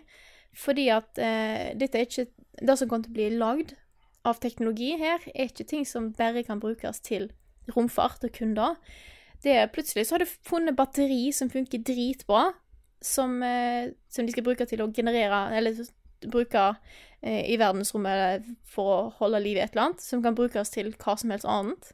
Eh, solcellepanel som funker mye mer effektivt enn det vi har i dag. Veldig, veldig mye stilig teknologi som kan komme av en sånn type eh, space race, da, hvis du kan kalle, kalle det det. Så jeg håper at dette fører til at du får litt mer eh, fokus på det, for det er veldig, veldig mye stilig som kan komme ut av det. Og så er det jo to, eh, to ting med det å utforske verdensrommet som er ganske viktige, føler jeg. Den ene er jo eh, Hva skjer da hvis vi nå faktisk ødelegger den jorda vi bor på? Det er liksom ting som tyder på at vi kan være på vei mot, eh, mot noe der. Eh, men den andre er jo mer sånn science fiction-nerden i meg som sitter og venter da på at de på en, en av disse ekspedisjonene sine finner en portal ikke sant? På, på baksiden av planet som de ikke hadde oppdaga før. Eh, etter at fra noen eldgammel sivilisasjon uh, langt, langt forbi vår teknologi, eh, som går et sted, ikke sant. Altså, eller at de finner et rom altså, De tingene der, når de først begynner å utforske verdensrommet, så kanskje de finner noe sånt, tenker jeg da. Det Ja. hadde vært helt konge. Jeg, jeg gleder meg til vi liksom blir invitert opp i det store galaktiske samfunnet. Mm. Der hvor det er masse forskjellige aliens som har Ja. ting de kan lære oss og sånn. Girl, så kan vi baby, bare- baby, baby. Ja, og så kan vi liksom danne sånne, så, sånne liksom, nesten sånn bokklubber, hvor vi kan sitte og liksom Ja, her på min planet så er det sånn, og så Å, så spennende, så skal vi sitte og prate sammen. Det gleder jeg meg til. Ja. Det er litt Eh. interessant, da, for det finnes en del teorier om hvorfor en ikke har sett Mm. livet andre plasser eh, ennå. En av mine favoritter er The Great Filter. Uh, jeg er ganske sikker på hva den heter. Jeg skal ta og dobbeltsjekke dette her. Eh, og da er rett og slett teorien om at på et eh, tidspunkt, eller på en eller annen plass i utviklingen, eh, så av, av liv, liksom, så fins det et par steg som sier at Som er vanskelig å passere. Eh, enten så er det på det punktet der du går fra encelleorganismer til flercelleorganismer. Eh, fra flerceller til eh, til mer sånn kunnskap eller sånne ting. Eh, og eh, på en måte den som tar deg ut i verdensrommet. Altså da steget da å få teknologi som få deg ut i verdensrommet, kolonisere andre planeter. Eh, hvis The Great Filter er foran oss, eh, så vil det jo òg si da at på et eller annet tidspunkt så vil vi komme til den plassen der hele, hele vårt samfunn går eh, i dass, fordi at det er et punkt der menneskeheten ikke vil klare å komme forbi. For det fins på en måte en, en sperre der. Hvis Great Filter ligger bak oss, så vil det si at vi er kanskje den eneste planeten i hele universet der det har klart å komme liv, fordi det er så vanskelig å komme forbi den barrieren. Og da fins jeg. Mm. Så da er, det fins en god eh, video på YouTube. Eh, god video på YouTube som forklarer den teorien her. Dritkul. Eh, jeg har egentlig mista helt trua på at det fins Det er litt sånn, Når jeg har hørt om The Great Filter, bare sånn Ja, shit, det er egentlig lite sannsynlig at det fins Det er litt spennende den teorien som eh, Elon Musk snakker litt om, da. Om at uh, kanskje, kanskje ikke det finnes liv fordi alt er en simulasjon. Vi Han er lever ikke den første til å komme med den. Nei, han er jo ikke det. Nei men han er snakker litt om den. Ja, Det er, uh, jeg syns det er interessant. Absolutt. Mm. Men det er jo bare å place your bets på hvem som kommer først uh, til å kolonisere Mars. Om det blir Elon Musk, eller om det blir Facebook eller Google. Ja, det er sant. Yes. Jeg har bare lyst, eh, Før vi går videre til spillrelaterte spørsmål, så har jeg bare lyst til å komme med et par anbefalinger. Uh, hvis du blir litt gira av uh, ekspedisjoner til Mars og hva skjer nå og sånne ting, så har jeg et par bokserier som jeg har lyst til å anbefale for deg. Det ene er eh, en, eh, to bøker av eh, Ben Bova som heter 'Mars' og 'Return to Mars'. Der er det tatt utgangspunkt i liksom faktisk eh, romfart, eh, basert på NASA-teknologi og alt dette her. Så har tatt seg litt friheter da, når de først kommer til Mars, men den er liksom veldig grounded. Eh, den andre, som har mye større scope, det er en serie som heter Manifold. Manifold-trilogien av en forfatter som heter Stephen Baxter. Som også handler om akkurat dette her. De første skrittene ut i verdensrommet. Hva finner vi der, og eh, hvordan går det videre? Og her, Det starter jo med at de finner en faktisk portal, da. Et sted ikke sant, som er skjult, som ikke man har sett før. Eh, og en ting som er litt funny der, er at eh, den første ekspedisjonen da, ut dit, eh, der er det blekkspruter som styrer romskipet. Og eh, jeg har lest noen utrolig kule historier om blekkspruter, hvor, smarte de er. Eh, for eksempel så var det et, et akvarium, jeg husker ikke akkurat hvor det var, men hvor det forsvant fisk fra et akvarium. Og ingen skjønte helt hvor det ble av den dumme fisken.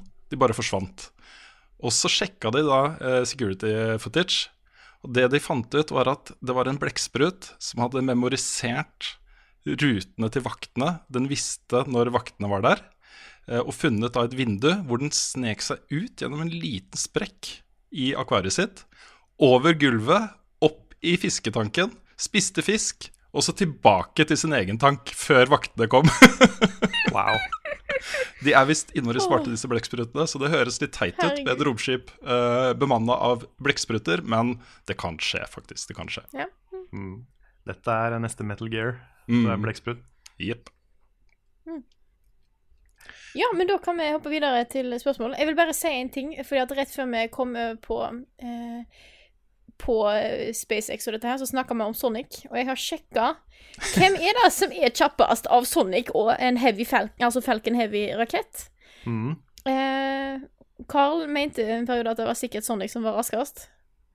Men tingen er at det er litt sånn problematisk dette her, for jeg ser at eh, noen plasser så står det at eh, noen av taxoene til Sonic er light speed. Det er jo fysisk umulig, eh, så jeg er litt skeptisk til den. Men jeg har funnet da fra eh, Sonic det var eh, Adventure DX, et eller annet, som skriver da at Sonic kan gå opp i 6179,8 km per time. Eh, som er ganske eh, bra kjapt. Eh, Falcon Heavyen er dessverre oppe i sånn 23 000. Så ja. Ja, men her må vi forholde oss til ulike caddons. Det finnes en egen, det en egen caddon i Archie Comics, blant annet, og de gamle, gamle spillene. Nei da. Jeg, jeg vet ikke om det finnes noen offisielle, offisielle tall, altså. Nei. Men det er greit. Elon Musk skal få lov å Men, men Sonic er the fastest thing alive. Ah, Så, Ja. så fort Elon Musk klarer å lage noe som lever, ja. så kan Da får han din respekt. Da får han, Ja. Først da får han din respekt. Da får det. Hvis han, hvis han får et barn som er kjappere enn Sonic, Mm. da Jeg har lyst til å nevne en liten ting til med Elon Musk som jeg elsker. Og det er måten han navngir disse selskapene sine på og tingene sine på. ja. The Falcon Heavy er jo liksom the fucking heavy. Det er jo sånn det høres ut, og hvis du sier det litt fort, da. Eh, og så har han jo det der uh, boreselskapet sitt som heter The Boring Company, som har lagd en flammekaster som er ulovlig å importere til Norge. Det har liksom norske myndigheter uttalt seg om. Dette er ikke lov. Dette er et assault-våpen som ikke er lov i Norge, så hvis noen har eh, kjøpt en eh, flammekaster fra Elon Musk, så kommer nok ikke den gjennom tollen. Men eh, det er liksom den derre lekenheten og den eh, humoren blanda da med de milliarder av dollarene han slenger ut, eh, og ambisjonsnivå som ikke ligner noe annet. Har ikke en eh, altså. Har ikke disse landingsplattformene der boosterrakettene lander, noen av de heter I Still Love You? Mm. Det er fordi at de sprengte en del ganger, da, og så Ja. plutselig så måtte Ja. de Ja. Mm. Jeg håper jo på en måte han ikke oppdager aliens. Så at vi får liksom At, at den, de neste millioner åra så kommer aliens at å heter liksom ugly fucker og sånne ting. Weird dude. Weird dude. What the fuck is this? Jeg tror vi må gå videre til spørsmål. Please don't fordi at, eat me. eh, I, I can't even. Åh, ja. Nei, jeg tror vi egentlig Holy får ship. spørsmål. Holy ship. Ja, Han blir jo eldre, så blir det bare dad jokes til slutt. ja, Åh, nei, vi tar spørsmål det var alt vi rakk for denne episoden. Da. Nei, men jeg tror vi tar et seriøst spørsmål her.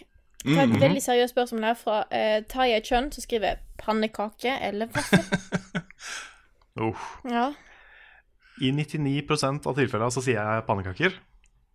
Men den ene vaffelen som de hadde på retrospillmessa, som var varm med brunost, det er den beste vaffelen jeg har spist noen gang.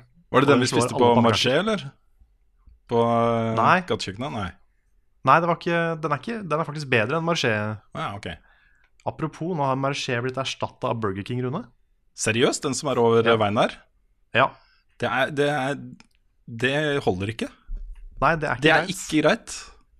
Så um, vi, de dagene der vi kunne stoppe der, og spise lunsj, de er forbi, altså. Ja, det, altså, Du skal ikke kimse av en eh, god eh, steakhouse på Burger King heller, da, men Nei da, men, eh, men det slår ikke egg og bacon på Marché, altså. niks, det gjør det ikke. Så eh, bare et, sånn, eh, et sekund med stillhet for Marché der. Mm. Sånn, Men- da er, ser jeg pannekake. Ja. Jeg tror, jeg, tror faktisk jeg må gå for pannekake. Jeg syns det er jæklig godt. Kan jeg være litt sånn fisefin og si krepp med Nutella? Ja, Krep. da Og, og is og vaniljeis. Krepp, Ja. Nutella, vaniljeis og banan. Det, er liksom, det blir ikke bedre. Umulig å overgå. eh, Ellers så, ellers så er det jo amerikanske pannekaker, da. Ja, det er jo helt konge.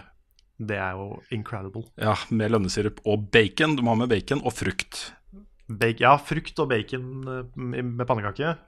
Kanskje noe Du kan jo også ha sånn dessertversjon, hvor du får liksom jordbær og krem og greier. Mm. Det er uansett bra. Ja, det her er eh, dritbra. Jeg har jo ikke fått smakt dette her, så jeg gleder meg til å teste det når jeg Om jeg drar til USA en gang. Ja, etere. Vi må få det på etere før, det er, eh, Ja. før etere yes. er over, eh, Frida. E3 2021. ja. Da, 2021. da er vi der. Ja. Mm. Men vi tar neste spørsmål her. Eh, det er fra Roland Hasseleid og skriver Hva syns dere om Dagbladets nye satsing Dagbladet Spill? Vil dere se på dette som skumle konkurrenter? Um, det er litt vanskelig å svare på det, fordi vi kjenner jo ikke så mye tanken bak uh, satsinga. Men vi vet jo et par ting. Uh, og det ene er jo at det er Newberk som er ambassadør for dette her. Uh, og det sier jo noe om hva slags type innholdsprodusenter de ønsker seg. Uh, vi antar at det er en ganske ung målgruppe de sikter seg mot. Um, og vi vet også at det ikke er snakk om heltidsstillinger. Det har de kommentert under den videoen på YouTube. Um, det blir da to eller flere deltidsstillinger, så det er ikke, det er ikke mulig å leve av bare dette hvis du, har, hvis du er voksen og sånne ting. Um, og det sier noe, så jeg vet ikke om det blir en konkurrent av oss. Det blir ikke noe mer konkurrent, tror jeg, enn alt annet som finnes på YouTube. Nei, for det blir jo eh, Det at de sannsynligvis vil ha ei lavere målgruppe, betyr jo at eh, det ikke krasjer med våre målgrupper, som er en del høyere. Det har vi vel Det har vel du litt oversikt på tall, Rune? Ja, fordi hvis man ser på uh, statistikken, og de, de, de samme tallene så vi eh, på VGTV, og kanskje litt lavere, for vi traff kanskje litt bredere uh, når vi lå på fronten av, av VG-nett. Uh, men er, tendensen er jo veldig lik, da. Og da ser du at på de siste 28 dager på YouTube, så er andelen 13 til 17 er på 7,2 eh, prosent. Eh, andelen 18 til 24 er på 30 og 25 til 34 er på 44% 35 til 44 14% så det er faktisk flere da over 35 enn under 18 som ser på videoene våre på, eh, på YouTube. Det er veldig interessante tall. Ja, jeg er syns det er er kjempeinteressant. Det er ikke 100% riktig nødvendigvis, for det er noen som, eh, spesielt av de unge, som ser på YouTube med kontoene til foreldra sine, f.eks. Det stemmer nok. Så det, det hender jo. Men, Ja, jeg, men det er jo- jeg stoler på tallene likevel. Fordi Ja, at da det- merker du veldig på våres eh, Når vi har hatt eh, jubileum og sånne ting, det er veldig mange eh, som vi ser på som er eldre enn meg. Mm. Ja. Jeg, jeg føler liksom gjennomsnittet vårt ligger på 2025. I hvert fall det inntrykket jeg har, da. Mm. Ja, det sier jo tallene ganske klart også. Sånn eh, kanskje rundt der. 23-24 år. Eh, Det var nok litt lavere i VG. Da lurer jeg på om det lå nærmere 18 eh, på snittalder. Men det er på en måte, det sier jo hvem, hvem er vi, da. Og det er jo en litt mer voksen satsing enn en det som tydeligvis da Dagbladet går for. Og også det som, eh, som NRK eh, går for i den satsingen på den jobben som jeg ikke fikk. Det er litt surt da at den gikk til en internt i NRK. Det er litt sånn typisk NRK, føler jeg. Ja. Ja, ja ting er jo liksom å ikke få jobben, men når det, når det i tillegg bare Nei, vi hadde noen. Ja, ikke sant? Ja, Nei, NRK er er lovpålagt det, å gå ut uh, offentlig med sånne stillinger. Men jeg har Ja. liksom inntrykk av at de ofte ender opp med å allerede ha, ha en i kikkerten som eh, er kollega og de stoler på og de kjenner godt fra før. Så Mm. da vet jeg ikke om det er tilfellet her. Jeg aner ikke hvem, uh, hvem den personen er. det hadde vært rart å kalle inn til intervju òg, da. Mm, kanskje. Ja, det, men jeg tror de også er lovpålagt å gjøre det. Ja, okay. Så, så jeg vet ikke. Men, er en eh, ting som er litt interessant da med Dagbladet, mm, eh, det er jo For vi, vi også pitcha jo til VG eh, en YouTube-satsing rett Mhm. før vi gikk ut av VG. ja, Og det var jo det var ikke helt det samme, fordi det, det baserte seg på å hente inn noen youtubere eh, som fins. Ja, det var litt da tidligere. Det var vel- alle kanalene våre. Ja, det var vel litt tidligere. Jeg tror det var sånn et års tid i forveien før vi ble lagt ned. Var det ikke da vi Jeg tror det var høsten, høsten 2015, var det ikke det? Jeg mener å huske at før. det var tidligere. Men, uh, Jeg kan huske at dere sa at dere snakka med, liksom, med VG om muligheter for andre ting den høsten. Mm. Nei, vi var innom flere, flere, flere konsepter der, ting som, Mm. uh, som kunne vært en vei videre. Da. Men det var jo mer enn Det var jo si var en, eh, en um, uh, noe sånn tilsvarende Splay, Nordic Screens, Ja da, det var mer et nettverk. ikke sant? Mm. Men eh, det handla jo mer om å hente inn youtubere som vi likte, Mm. og som vi visste at var flinke til Ja. å lage noe sammen. Ikke det å nødvendigvis skape en ny YouTuber. Mm. For det, det høres jo litt ut som det er det Dagbladet prøver på. At de vil bruke Dagbladet som navn og plattform til å lage en YouTube-kanal eh, som da er Dagbladet sin, Mm. men hvor de har en YouTuber som de har på en måte dyrka fra scratch. Det er det, det inntrykket jeg får.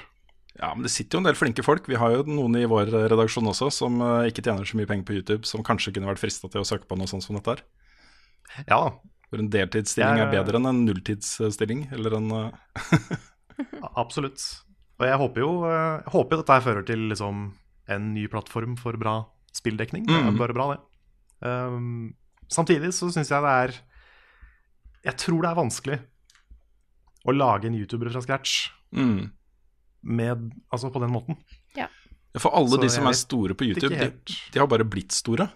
Ja. Ja, Det er vanskelig å Hvis gå inn for det. Bare sånn, spør... Nå skal jeg bli stor.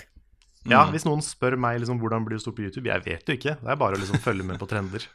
Mm. Eh, For meg så skjedde det. Det var fordi jeg eh, var en av de første i Norge som begynte å spille Minecraft.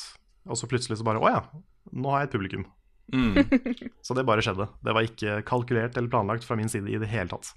Her har ikke du sittet med noe sånn derre trend-greier og Jo, jeg, er- jeg spesifikt tar jeg på meg dress, full dress. Ja. Og så går jeg inn på sånne møter hvor, eh, hvor andre folk i dress, over 40-50, diskuterer hva som er kult. Og så hørte jeg ordet Minecraft. Så tenkte jeg, vet du hva, dette er min Nå, skal, jeg bli, nå skal jeg få masse YouTube-money. Mhm. Som er den realiteten vi lever i. At det er så fort du får en video med litt views, så blir du millionær, selvfølgelig. Mm. Ja, ja, ja. ja, det er sånn det Ja, funker. Du tjener jo så mye spesielt i Norge på reklame og sånn. mm. Nå er det et tjukt lag med sarkasme i alt jeg sier. Bare sånn så... Ja. Men, eh, men ja. Det, Vi kan hvert fall jeg vet ikke. Vi kan i hvert fall si såpass at vi er komfortable med der vi er. Det er på en måte her vi ønsker å være. Vi ønsker å være en kulturredaksjon som dekker spill, og har det litt gøy da innimellom med noscope og, og sånne ting. Litt gøy. Bare litt gøy. Litt gøy. Bare, bare litt gøy. Sketsje litt med laks og, og sånt. Ja da. Det er, Um, det, er jo Jeg føler jo vi, eh, vi er en blanding mellom litt mer sånn tradisjonell spilljournalistikk og litt den der YouTube-feelingen. Mm. At vi prøver å kombinere det litt. Noen ganger så har vi litt av det ene, noen ganger så har vi mer av det andre. Men uh, den balansen føler jeg liksom er i hvert fall det jeg prøver på. Mm. Det handler jo i uh, første rekke om hva vi har lyst til å lage selv. Ikke om uh, hvordan vi skal bli dritsvære på YouTube. For hvis, vi, hvis det var målet vårt, det å på en måte eksplodere blant eh, 15-16-17-åringer, så ville vi nok tatt noen andre grep med kanalen vår og med innholdet vi lager. Ja. Eh, det hadde nok Da hadde det vært bare Let's Plays, for det første. Ja, og streams fra PubG og Minecraft og Ja, det er jo bare det vi hadde gjort. Vi Ikke hadde, sant? vi hadde sett på de populære spillene og spilt de i flest mulig videoer. mm. Gjerne sånn tre videoer av det spillet om dagen. Ja. Ja. Det kan hende at vi ender opp der. Som et siste Ja. desperat krabbetrekk før eh, Ikke sant? Men eh, vi Ja, gjør nok jo. ikke det, altså. Nei da, jeg føler det er litt viktig at vi er oss. Mm. Det er kanskje det viktigste. Det er jeg helt enig med deg Flaks at vi har laget selskap sammen, Karl. Når vi er helt enige ja, om akkurat det. Det er, det er bra. Mm.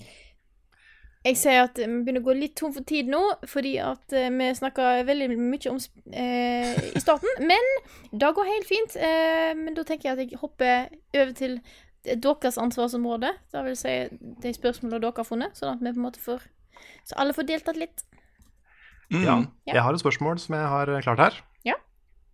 Det er fra Kristoffer Lien. Han spør hører dere på noen podcaster som ikke er spillrelatert. Hvis ja, hvilke? Hvis nei, vil jeg for øvrig anbefale bl.a. en norsk podcast som heter Konspirasjonspodden, og en svensk podcast som heter Creepypodden. Knallgode podcast der også. Har... Hører dere på noe særlig podkast? jeg har hørt litt på en innimellom som er skikkelig Altså, det, det er en fascinerende eh, podkast. Fascinerende at den fins. Eh, men den hører jeg på litt sånn innimellom. Veldig lite jevnt. Ofte hvis jeg står gjør noe veldig sånn kjedelig, eller sitter på toget, eller sånne ting. Og det er en podkast som heter My Dad Wrote a Porno. Den handler om eh, at eh, det er en fyr som har eh, Det er en far som har skrevet en pornografisk eh, pornografisk bok. Som er så ræva. Eh, og er så skikkelig, skikkelig dårlig skrevet. Eh, at det blir fullstendig komisk. Det er ingenting seksuelt her, sånn. Eh, men da er det og da han her fyren, eh, altså sønnen til forfatteren, som sitter der med to, eh, to venner. Og de da går gjennom hele denne boka her, leser den opp og går gjennom. Eh, du har for eksempel eh, fantastiske setningen Her tits hung like pomegranates. som er en fascinerende ting. Eh, så de tar da setning for setning nesten da og går gjennom dette her. Og det er hysterisk morsomt. Eh, Ja, det her høres fantastisk veldig morsomt ut. Ja, jeg vil faktisk anbefale den til de fleste. Jeg tror det er Jeg lurer på om bok nummer tre er ute. Eh, Belinda Blinkt heter denne serien her.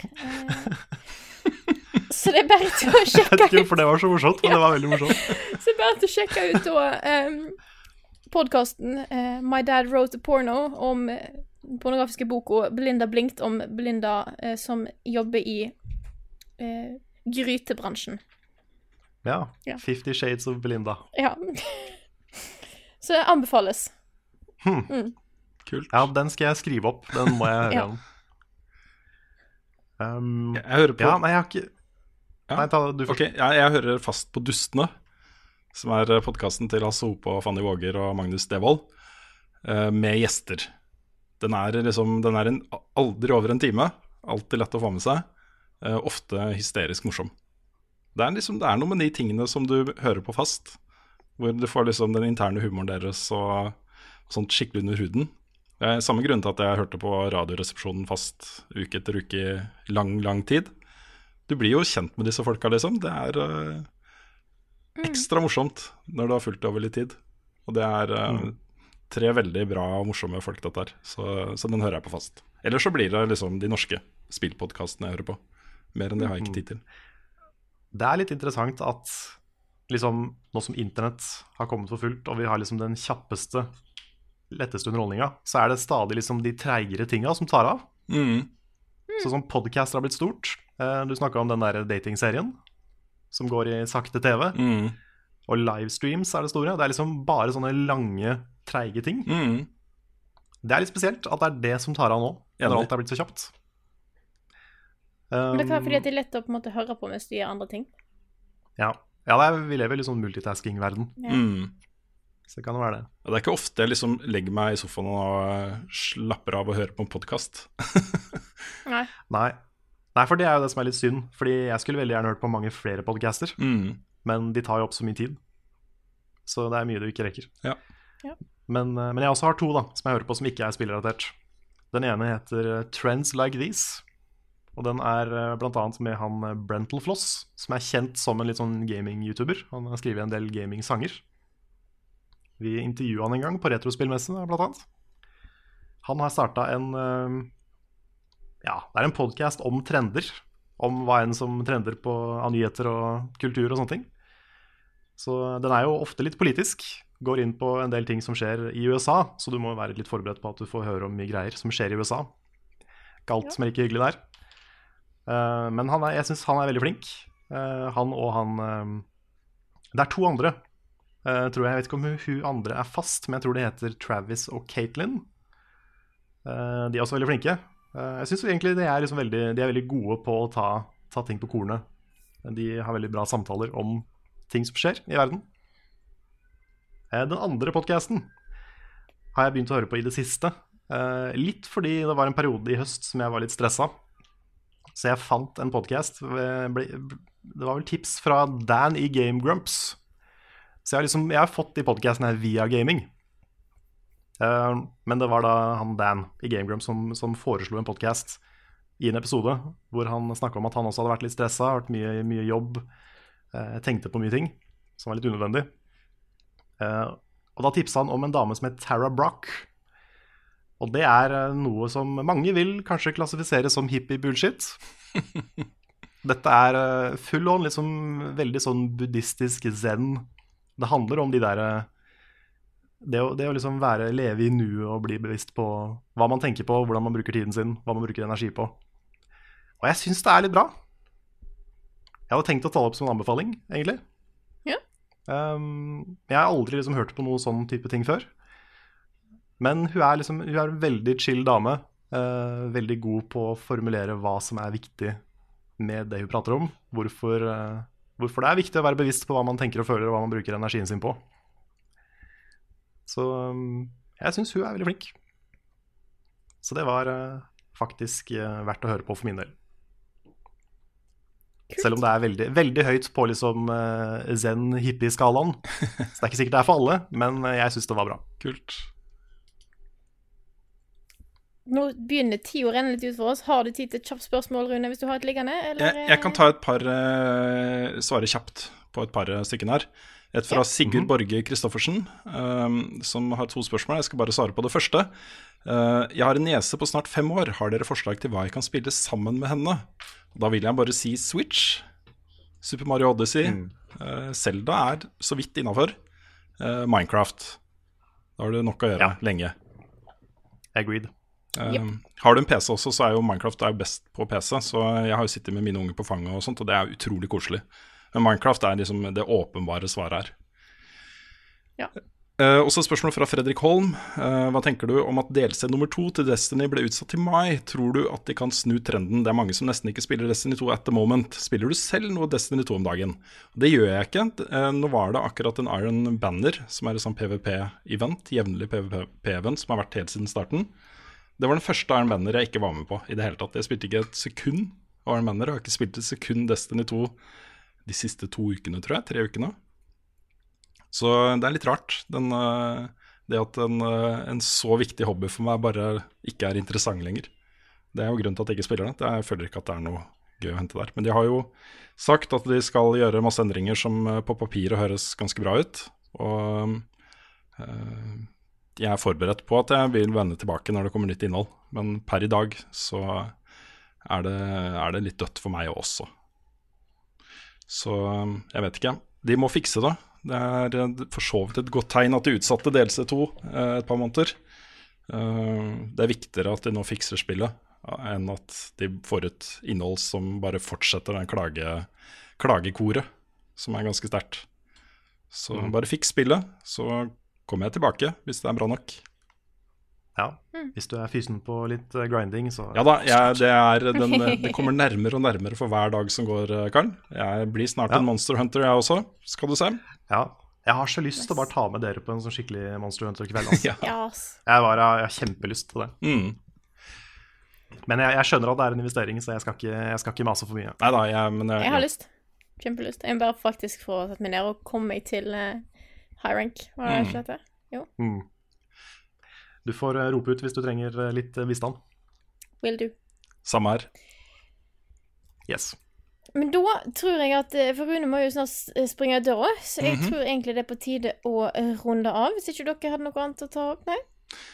Nei, jeg vil bare nevne én kjapp ting. Eh, tilbake til det at vi sikter oss inn mot en litt eldre målgruppe, at eh, det er litt tight økonomi og sånne ting. Jeg vil bare nevne at hvis alle som hører på den podkasten her, hadde bidratt med 20-30 kroner på Patreon, så hadde dette her gått helt fint. det hadde gått helt fint. Så hvis du er Jeg bare oppfordrer deg, hvis du tenker at dette er innhold du liker og setter pris på, um, og som du bruker fast Hvis du hører på den podkasten her fast og kanskje ser en del videoer vi lager og sånt, så vurder det.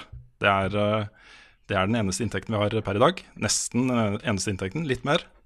Eh, men det koster penger å lage innhold, og vi trenger penger for å fortsette å lage innhold.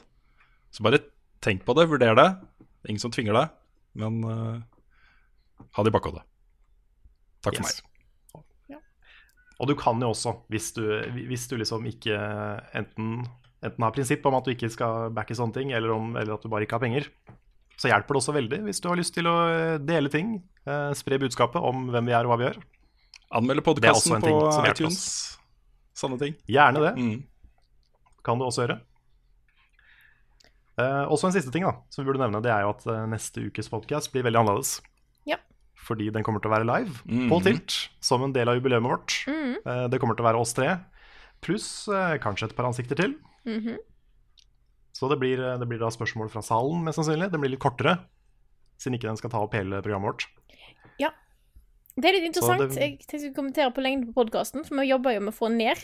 Og nå er vi Blir lengre og lengre. tilbake igjen der. Så Ja, blir lengre og lengre. Gjør det. Oppe på toppen igjen. Mm. Men jeg, jeg tror ikke det gjør så mye, egentlig. Nei da. Vi, vi har noe å snakke om. Jeg tror ikke det er det som er problemet. Nei. Men ja, det er en grunn til at vi avslutter hver podkast med å takke de som støtter oss på Patron. Det er fordi at vi faktisk er avhengige av det. Mm. Så Ja, hvis det- det er de som lar oss sitte her, Ja. rett og slett. Og når uh, big business og sponsorer og penger og sånt bare flyr etter uh, 15-16-åringer, så er det vi voksne, modne gameres ansvar å beholde litt modent, voksent innhold også. Jepp. Min lille salgspitch. Ja. da. Nei, det er, eh, det er noe med akkurat det at eh, det er gjerne de med litt yngre målgrupper som får mest sponsoravtaler. Mm. Det har vært en ting vi har slitt litt med. Så det er litt ulempen da med å være oss. Vi er for gamle. Jeg er for gamle, altså. Nei, det er ikke vi som er for gamle, det er seerne og lytterne våre som er for gamle. Ja, så var det ja, jo. ok, sikkert også sånn, Åh, ja. Nei, men jeg tror egentlig vi får eh, bare takke for oss. Eh, så takk for, takk at du hørte på denne episoden av Level Backup. Og så snakkes vi igjen neste uke.